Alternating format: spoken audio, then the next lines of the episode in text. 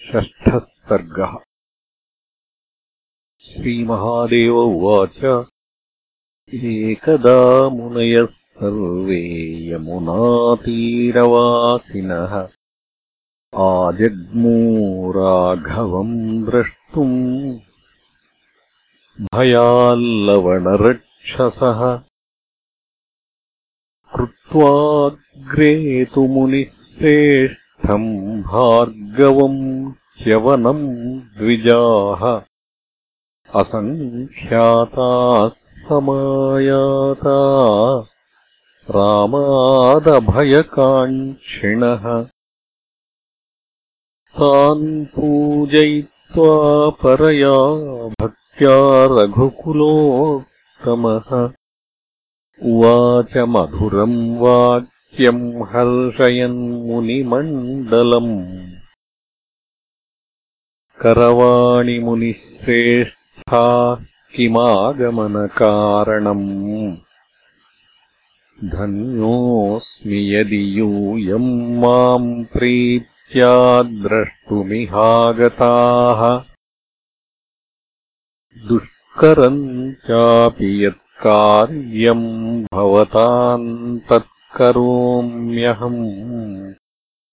आज्ञापयन्तु माम् भृत्यम् ब्राह्मणादैवतम् हि मे। तच्छ्रुत्वा सहसा हृष्टश्च्यवनो वाक्यमब्रवीत्। मधुना मामहादैत्यः पुराकृतयुगे प्रभो आसीदतीव धर्मात्मा देवब्राह्मणपूजकः तस्य तुष्टो महादेवो ददौ शूलमनुत्तमम्। चानेनयम् हंसि स तु भस्मीभविष्यति रावणस्यानुजा भार्या कुम्भीनसी श्रुता तस्याम् तु लवणो नाम राक्षसो भीमविक्रमः आसीद्दुरात्मा दुर्धर्षो देवब्राह्मणहिंसकः। पीडितास्तेन राजेन्द्र वयम् त्वाम् शरणम् गताः। तच्छ्रुत्वा राघवोऽप्याह। मा भीर्वो मुनिपुङ्गवाः। लवणम् नाशयिष्यामि गच्छन्तु विगतज्वराः। इत्युक्त्वा प्राह रामोऽपि भ्रातॄन् को वाहनिष्यति लवणम् राक्षसम् दद्याद्ब्राह्मणेभ्यो भयम् महत्। तच्छ्रुत्वा प्राञ्जलिः प्राह। भरतो राघवाय वै। अहमेव हनिष्यामि देवाज्ञापय माम् प्रभो। ततो रामम् नमस्कृत्य शत्रुघ्नो वाक्यमब्रवीत्। लक्ष्मणेन महत्कार्यम् कृतम् राघवसंयुगे। नन्दिग्रामे महाबुद्धिर्भरतो दुःखमन्वभूत् अहमेव गमिष्यामि लवणस्यवधाय च। त्वत्प्रसादाद्रघुष्ठेष्ठ अन्याम् तम् राक्षसम् युधि।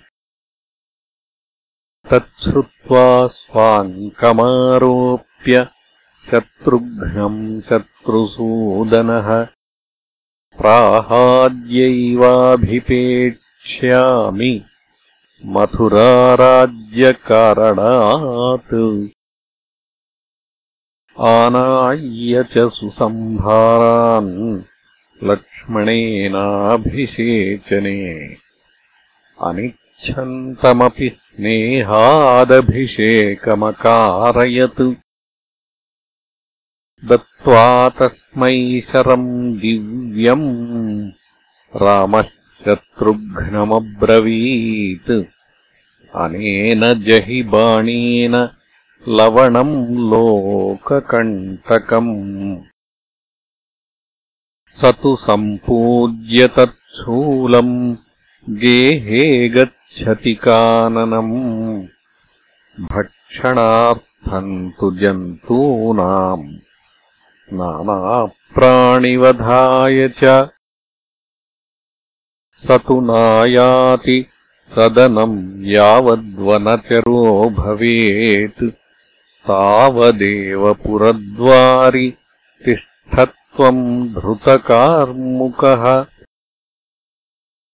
योत्स्यते स त्वया क्रुद्धस्तदावध्यो भविष्यति। संहत्वा लवणम् क्रूरम् तद्वनम् मधुसंज्ञितम् निवेश्य नगरम् तत्र तिष्ठत्वम् मेनुशासनात्। अश्वानाम् पञ्चसाहस्रम् रथानाम् च तदर्धकम्। गजानाम् षट्शतानीह पत्तीनामयुतत्रयम् आगमिष्यति पश्चात् त्वमग्रे साधय राक्षसम् इत्युक्त्वा मूर्ध्न्यवघ्राय प्रेषयामास राघवः। शत्रुघ्नम् मुनिभिः सार्धमाशीर्भिः अभिनन्द्य च। शत्रुघ्नोऽपि तथा चक्रे यथा रामेण चोदितः। हत्वा मधुसुतम् युद्धे मधुरामकरोत्पुरीम् स्फीताम् जनपदाम् चक्रे मधुराम् दानमानतः। सीतापि सुषुवे पुत्रौ द्वौ वाल्मीकेरथाश्रमे। मुनिस्तयोर्नामचक्रे कुशो क्रमेण विद्यासम्पन्नौ सीतापुत्रौ बभूवतुः। उपनीतौ च मुनिना वेदाध्ययनतत्परौ कृत्स्नम् रामायणम् प्राह काव्यम् बालकयोर्मुनिः। शङ्करेण पुरा प्रोक्तम् पार्वत्यै पुरहारिणा। वेदोपबृंहणार्थाय तावग्राहयत प्रभुः कुमारौ स्वरसम्पन्नौ सुन्दरावश्विनाविव तन्त्रीतालसमायुक्तौ गायन्तौ चेरतुर्वने। तत्र तत्र मुनीनाम् तौ समाजे सुररूपिणौ गायन्तावभितो दृष्ट्वा विस्मिता मुनयोऽब्रुवन् गन्धर्वेष्विव किन्नरेषु भुवि वा देवेषु देवालये। पातालेष्वथवा चतुर्मुखगृहे। लोकेषु सर्वेषु च अस्माभिश्चिरजीविभिश्चिरतरम् दृष्टा दिशः सर्वतो नाज्ञायी दृशगीतवाद्यगरिमा नादर्शि नाश्रावि च एवम् स्तुवद्भिरखिलैर्मुनिभिः प्रतिवासरम् आसाते सुखमेकान्ते वाल्मीकेराश्रमे चिरम्। अथ रामो स्वमेधादींश्चकार बहुदक्षिणान् यज्ञान् स्वर्णमयीम् सीताम् विधाय विपुलद्युतिः तस्मिन्विताने ऋषयः सर्वे राजर्षयस्तथा। ब्राह्मणाः क्षत्रिया वैश्याः समाजग्मुर्दिदृक्षवः वाल्मीकिरपि सङ्गृह्य गायन्तौ तौ कुशीलवौ जगामऋषिवाटस्य समीपम् मुनिपुङ्गवः तत्रैकान्ते स्थितम् शान्तम् समाधिविरमे मुनिम् कुशः पप्रच्छवाल्मीकिम् ज्ञानशास्त्रम् कथान्तरे भगवन् श्रोतुमिच्छामि सङ्क्षेपाद्भवतोऽखिलम् देहिनः संसृतेर्बन्धः कथमुत्पद्यते दृढः